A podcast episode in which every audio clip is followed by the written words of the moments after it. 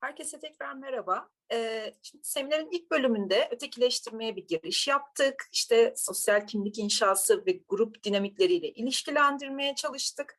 Ve e, sosyal kimliklerin bir grup sınır inşası fonksiyonu olduğunu ve e, ötekileştirmenin bu sınırın ötesindeki her insana değil de bazılarına yönelen bir eşitsizlik ya da bir e, eşitsizliğin meşrulaştırılması olduğundan bahsettik.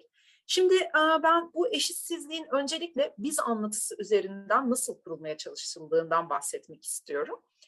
Bu kısımda bu biz anlatısını, bizliğin nasıl tanımlandığını ve ötekileştirmenin aşamalarını, bizliğin ötekileştirmenin aşamalarıyla nasıl ilişkiye girdiğini kendi doktora çalışmamda kurduğum çerçeveyle sizlere aktarmaya çalışacağım. Şimdi bizlik kavramının sosyal kimlik inşasıyla ortaya çıktığını ve e, insanların işte parçası oldukları grupları yani iç grupları e, dış gruplara göre daha olumlu değerlendirme eğiliminde olduklarını e, zaten söylemiştik. E, şimdi literatürde iç grup yanlılığı ya da iç grup kayırıcılığı diye geçen bu e, bu şey e, bu durum e, grup dinamikleri dahilinde aslında son derece doğal bir eğilim olarak görünüyor. Ama e, bunun biz ve ötekiler arasındaki hiyerarşiyi kurmanın e, ilk adımı olduğunu biliyoruz biz. Zira daha önceden de size söylediğim gibi e, bizi tanımlamak aslında bir sınır inşası. Ve e, bu e, ünlü antropolog e, Thomas Eriksen'in de söylediği gibi e, esasında bizi kurmak bir dışlama ve e, dahil etme, dışlama, içleme mekanizması olarak e, görülmeli. Şimdi sosyal kimlik kuramı kişilerin parçası oldukları grupları işte olumlu değerlendirmelerinin arkasında yatan sebepleri şey yaparken açıklarken bunun kişinin kendini değerli görmek istemesi, öz saygısını artırma isteği gibi bireysel bir takım mekanizmalarla açıklıyor. Ancak mesela Marilyn Brewer, daha önceden bahsettiğim sosyal psikolog, bunun aslında işte ait olma ve ayrışma ihtiyaçları ile ilgili söylüyor ve e, kişilerin kendi gruplarına yönelik yanlılıklarını da bu ait olma ve ayrışma ihtiyacının arasındaki dengeyi kurabilme motivasyonundan olduğunu bahsediyor, şey yapıyor, söylüyor. Tabii e, şimdi dikkat ederseniz bütün bu açıklamalar, bütün bu e, işte bizliği kurarken neden e, bizim dışında kalan gruplara göre daha olumlu açıklamaya, olumlu değerlendirmeye çalışıyoruz. Bunu motivasyonu nedir e, diye e, cevaplanan soruların pek çoğunda birey bu motivasyonun merkezine konuyor. E, ama iç grubun hangi sosyal bağlam içerisinde ya da nasıl kolektif biçimde tanımlandığından aslında çok da bahsetmiyor bu size bahsettiğim kuramsal çizgi. Şimdi grubu oluşturan kişilerin kendi gruplarını subjektif biçimde tanımlamaları aslında o grubun kimlik anlatısı haline geliyor zaman içerisinde. İşte ben de doktora tezimde e, ötekileştirmenin ortaya çıkmasında çok büyük rolü olduğunu düşündüğüm insanlar kendi gruplarını nasıl tanımlarlar sorusuna odaklandım ve işte bu biz ve öteki arasındaki hiyerarşinin ilk kurulduğunu düşündüğüm yerden başlamaya karar verdim. Şimdi e, literatürde kişilerin bizi nasıl tanımladığına dair e, yapılan çalışmalarda iki farklı odak noktası olduğu görülüyor. E, bunların ilki kişinin grupla nasıl ilişkilendiğine odaklanıyor. İşte gruba çok mu bağlı yoksa işte aralarında birazcık daha gevşek bir bağ mı var gibi kişiyle grup arasındaki ilişkilerden. İkincisi de grubun kendine mensup kişiler tarafından nasıl tanımlandığı ve nasıl anlamlandırıldığına odaklanıyor. Şimdi bu dinamikleri çok detaylı bir şekilde e, inceleyen kişiler var ama bunların arasında Sonia Rokas'ın yeri çok ayrı. Sonya Rokas ve arkadaşları 2008 yılında yayınladıkları bir çalışmada insanların kendi grupları ile aslında Rokas tabii burada temel olarak ulus kimliklerden bahsediyor. Yani grup derken ulusal gruplardan bahsediyor. E, insanların kendi grupları ile dört farklı biçimde ilişkilendiğini söylüyor. Bu ilişkilenme biçimlerinin üç tanesi tam anlamıyla birey grup ilişkisini ortaya koyan e, boyutlar. Mesela önem. Yani kişinin kendisini tanımlarken grubun kimliğini ne kadar kullandığı. E, işte ben kendimi tanımlarken örneğin diyorum ki ismim Elif Sandal Önal, e, ben bir Türk'üm. Şimdi eğer Türk olmak benim e, kimlik tanımımın içerisinde sıklıkla önemli bir şekilde yer alıyorsa bu benim e, bu kategoriyi son derece önemli gördüğüm anlamına geliyor ve insanların grupları ile ilişkilenmesi e, kriterleri içerisinde bu önemli bir kriter. İkincisi bağlılık. Yani kişinin ve grubun karşılıklı olarak birbirlerine ne kadar katkı sundukları. Üçüncü boyut riayet boyutu. Bu da kişinin gruba ait normları, sembolleri ya da grup liderine ne kadar onore ettiği ve tüm bu kurallara ve normlara, grup tarafından belirlenmiş olan kurallara ve normlara ne kadar uyduğunu gösteriyor. Gördüğünüz gibi bu üç tanesi yani önem, bağlılık ve riayet boyutları daha ziyade e, bireyle grubun arasındaki ilişkileri ortaya koyuyor ve bireyin grubu kendi hayatının neresine yerleştirdiği konusunda fikir veriyor aslında. Şimdi Rokas ve arkadaşlarının bu çalışmada, aşağıda e, referansı var bu çalışmanın, e, bu çalışmada ortaya koydukları son e, şey, boyut, son boyut, e, kişinin grubuyla nasıl ilişkilendiğini değil de kişinin grubun nasıl tanımladığını ortaya koyuyor. Yani e, bu kişi grubunu anlatırken neyin üzerinden anlatıyor bunu ortaya koyuyor.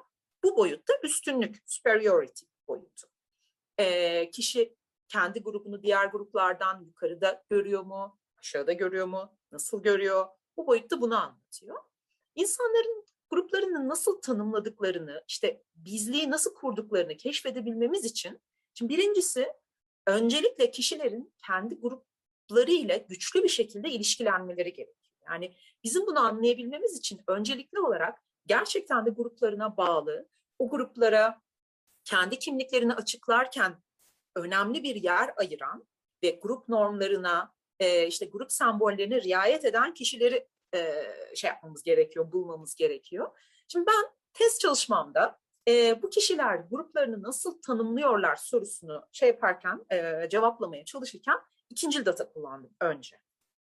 Ve Türkiye'de yaşayan gençlerin ötekileştirme, ötekileştirmeme dinamiklerini konu alan projede kendilerini bir grubun parçası olarak tanımlayan gençlerle odak grup toplantıları yapılmıştı. Ve bu gençlere işte adil bir toplumdan ne anladıkları, zihinlerindeki ideal toplumun nasıl olduğu ve bu bağlamda kimleri ve nasıl ne şekilde öteki olarak gördükleri soruları sorulmuştu. E, bu odak grup toplantıları yarı yapılandırılmış bir akışa sahipti ve konuşmalarda e, şeyler konuşmacılar sıklıkla kendi gruplarından, kendi kimliklerinden bahsediyorlardı ve tanımlıyorlardı.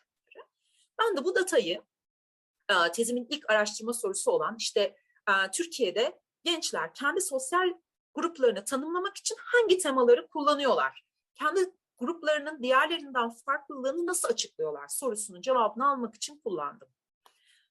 Bunun için de e, işte Brown ve Clark'ın e, ünlü tematik analizini kullandım. Ve elimdeki işte dört tane grup ve 25 tane katılımcıya ait odak grup verilerine üç temel soru sordum. Bu soruların cevaplarını aradım. E, neydi bu sorular? İşte bir tanesi Mesela gençler kendi gruplarından bahsederken biz kelimesini takiben ya da biz, biz bağlamı içinde hangi tanımları, hangi sıfatları kullanıyorlar ona baktım. Ee, kendi gruplarını normal bir toplumsal düzen içerisinde nasıl yerleştirdiklerine dair ifadeler var mı? Buna baktım çünkü bu da yine grubu, sosyal kategorileri, sosyal grupları tanımlarken son derece önemli bir kriter e, hayatın normal akışı, toplumun normal düzeni içerisinde grubu nereye, nasıl yerleştirdikleri bize grubun tanımı konusunda önemli ipuçları verebiliyor. Son olarak bir de e, işte kendi gruplarını tanımlarken ötekilere referans veriyorlar mı? Örneğin böyle karşılaştırmalı bir şekilde biz iyiyiz, onlar kötü, işte biz şöyleyiz, onlar böyle gibi ifadeleri kullanıyorlar mı? Bunlara dikkat ettim. Ee, işte analizde e, kullandığım analizde e, katılımcıların kendi gruplarını tanımlama girişimleri dahilinde böyle temel olarak kullandıkları işte üç tane ana kategori, ana tema e, ya ulaştım. Bunlardan bir tanesi e, az önce size bahsettiğim grubun yüceltilmesi. Yani katılımcılar kendi gruplarını tanımlayıp onu dış gruplardan ayrıştırırlarken grubun onlara göre daha üstün olduklarını belirtiyorlardı. Bunu yaparken de bazıları kendi gruplarından mesela ideal toplumun temsilcisi olarak bahsediyorlardı. Bazıları işte ahlaki ve tarihsel olarak üstün olduğundan bahsediyordu kendi grubunun ve bazıları da bizimkiler çok hoşgörülüydü. Hatta gereğinden fazla hoşgörülüydü gibi böyle daha işte toleranslı bir grubuz biz e, diye bahsedip e, ona böyle biraz daha sanki şey gibi e, herkese yer var bizim grubumuzun içerisinde. Herkes bizim grubumuzu bir çatı olarak kullanabilir gibi ifadeler kullanıyorlardı. E, ortaya çıkan ikinci tema biraz daha ilginç bir temaydı. Şimdi birinci tema işte grubun yüceltilmesi. E, ikinci tema ilginçti ve iki ve üçüncü temalar birbiriyle iç içe girmişti. Neydi bu tema? Mağduriyet teması. Ee, katılımcılar değişik biçimlerde gruplarının geçmiş zamanda mağdur edildiğini söylüyorlar ve zaman zaman ötekileri, ötekilerde üçüncü temada çıkmıştı, bu mağduriyetin sorumlusu olarak e, bazen de böyle işte başka mağdur grup anlatılarının içerisine e, koyuyorlardı ama bu e, ötekiler ve mağduriyet anlatıları daha fazla birbirinin içine geçmişti. E, mağduriyet böyle kimi zaman işte bizim grubu ötekilerden, dış gruplardan ayıran faktör gibi ortaya çıkıyordu işte. E, nasıl mesela işte bizim çektiğimiz sıkıntıları, acıları kimseler çekmemiştir gibi. Kimi zaman da iç grubu başka gruplarla ortak bir çatı altında topluyordu. Yani işte bizler, işte bu toplumun içerisindeki azınlıklar olarak X, Y, Z grupları işte benzer kaderleri paylaştık gibi. Ve örneğin eğer ötekini kendi mağduriyetlerinin sorumlusu olarak görüyorlarsa bu sefer hemen ardından onlara yönelik şiddeti ya da onlara yönelik adaletsizliği meşrulaştıran ifadeler kullanıyor. Eğer ötekini herhangi bir mağdur grup gibi görüyorlarsa, yine de öteki ve mağdur bir grup gibi görüyorlarsa, bu kez de ya ötekinin yaşadığı mağduriyeti, acıyı, sıkıntıyı minimize ediyorlar ya da onlar başlarına geleni hak etmiştir zaten deyip işte bu ötekinin uğradığı e, adaletsizliği meşru hale getiriyorlar. Bunlar benim için e, grup anlatıları açısından ipuçlarıydı. Ben şimdi buradan hareketle e, tezin saha çalışmasında işte gençlerin kendilerini parçası olarak gördükleri grupları tanımlarken yüceltme ve mağduriyeti kullanmalarıyla işte öteki olarak gördükleri grup üyelerine yönelik tutumları arasındaki ilişkiyi anlamaya çalıştım.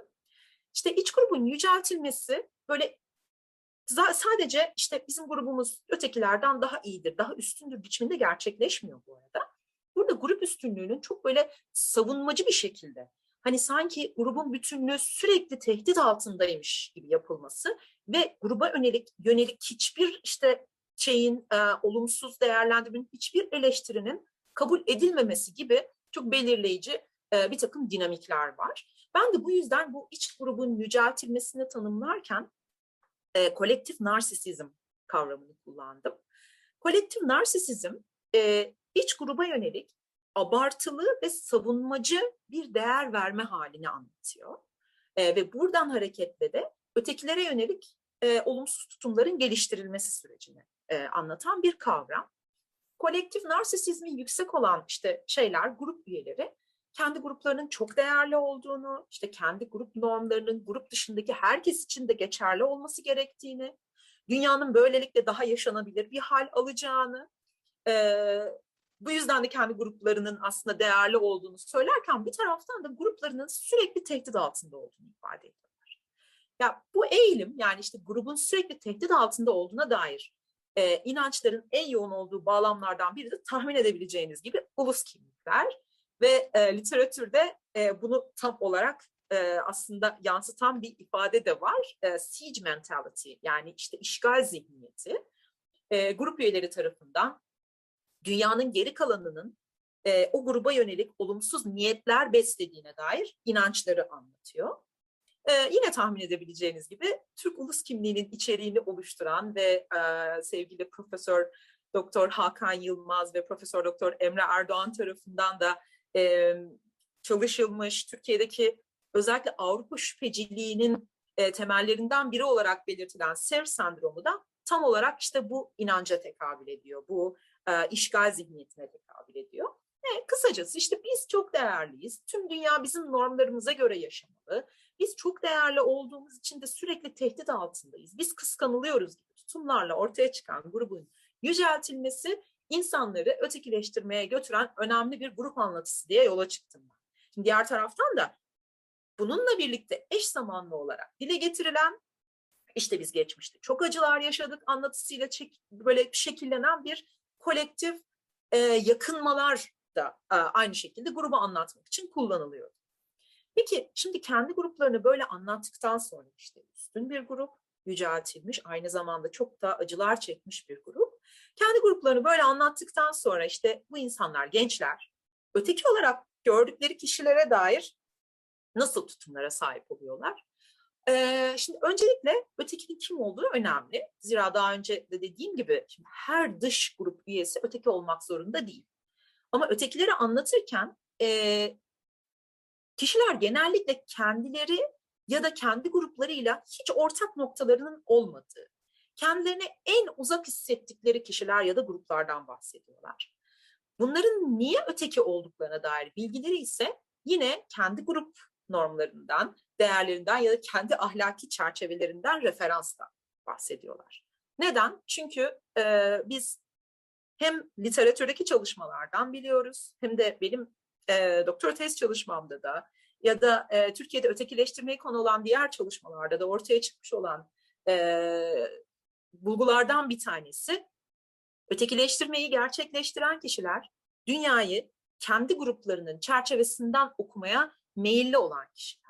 Kendi gruplarının normlarıyla pek çok şeyi açıklayabileceklerini düşünüyorlar. Bir taraftan da kendi gruplarını bu sebeple de üstün kılıyorlar. Bunu yaparken de öteki olarak gördükleri kişileri grubun e, ahlaki çerçevesinden dışına, dışarı çıkartıyorlar ve bunu da öncelikle nasıl yapıyorlar? Öncelikle ötekileri son derece olumsuz kategorilere yerleştiriyorlar. Bunun bir ismi var literatürde. Buna gayrimeşrulaştırma, delegitimization adı veriliyor. E, gayrimeşrulaştırma burada ötekilerin neden öteki olduğuna dair bilgi veren dinamiklerden de bir tanesi aslında. Yani ötekinin farklı açılardan dışlanması, e, çerçevenin dışına atılması, insanlığının küçümsenmesi, hatta zaman zaman tamamen reddedilmesiyle ortaya çıkıyor. Ve gayrimeşrulaştırmada e, ötekiler farklı biçimlerle etiketleniyorlar. Nasıl? Örneğin insanlıktan çıkarılıyorlar. Onlar canavardır, onlar böcektir, e, işte şeytandır diye aşağılanıyorlar. Ya da e, daha alt kategorilere konuyorlar. Örneğin onlar zeki değildir zaten. Zaten kabadır, eğitimsizdir, ilkeldir.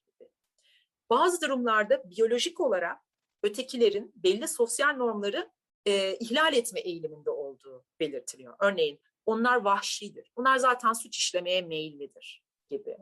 Bazen de ötekiler başka olumsuz biçimde etiketlenmiş gruplara benzeştirilerek gayrimeşrulaştırılıyor. Örneğin vandaldır onlar gibi. Türkiye'de bu kamusal alanda bizim çok sık karşımıza çıkan şeylerden bir tanesi. Örneğin bazı Kürtlere Ermeni denip onları bu yolla dışlamaya çalışan bir söylem vardır bilirsiniz. Aslında bu söylemde tam olarak gayrimeşrulaştırmaya örnek teşkil eden söylemlerden bir tanesi. Şimdi gayrimeşrulaştırmanın en sık karşılaştığımız boyutu ise ötekilerin toplum için bir tehdit kaynağı olduğunu iddia etmek.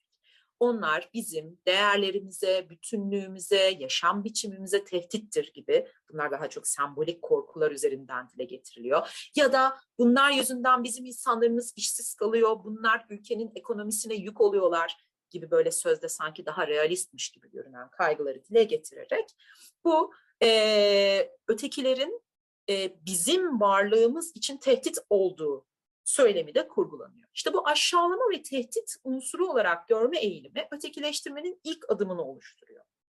Ötekiler iç gruptan ayrıştırılıyor.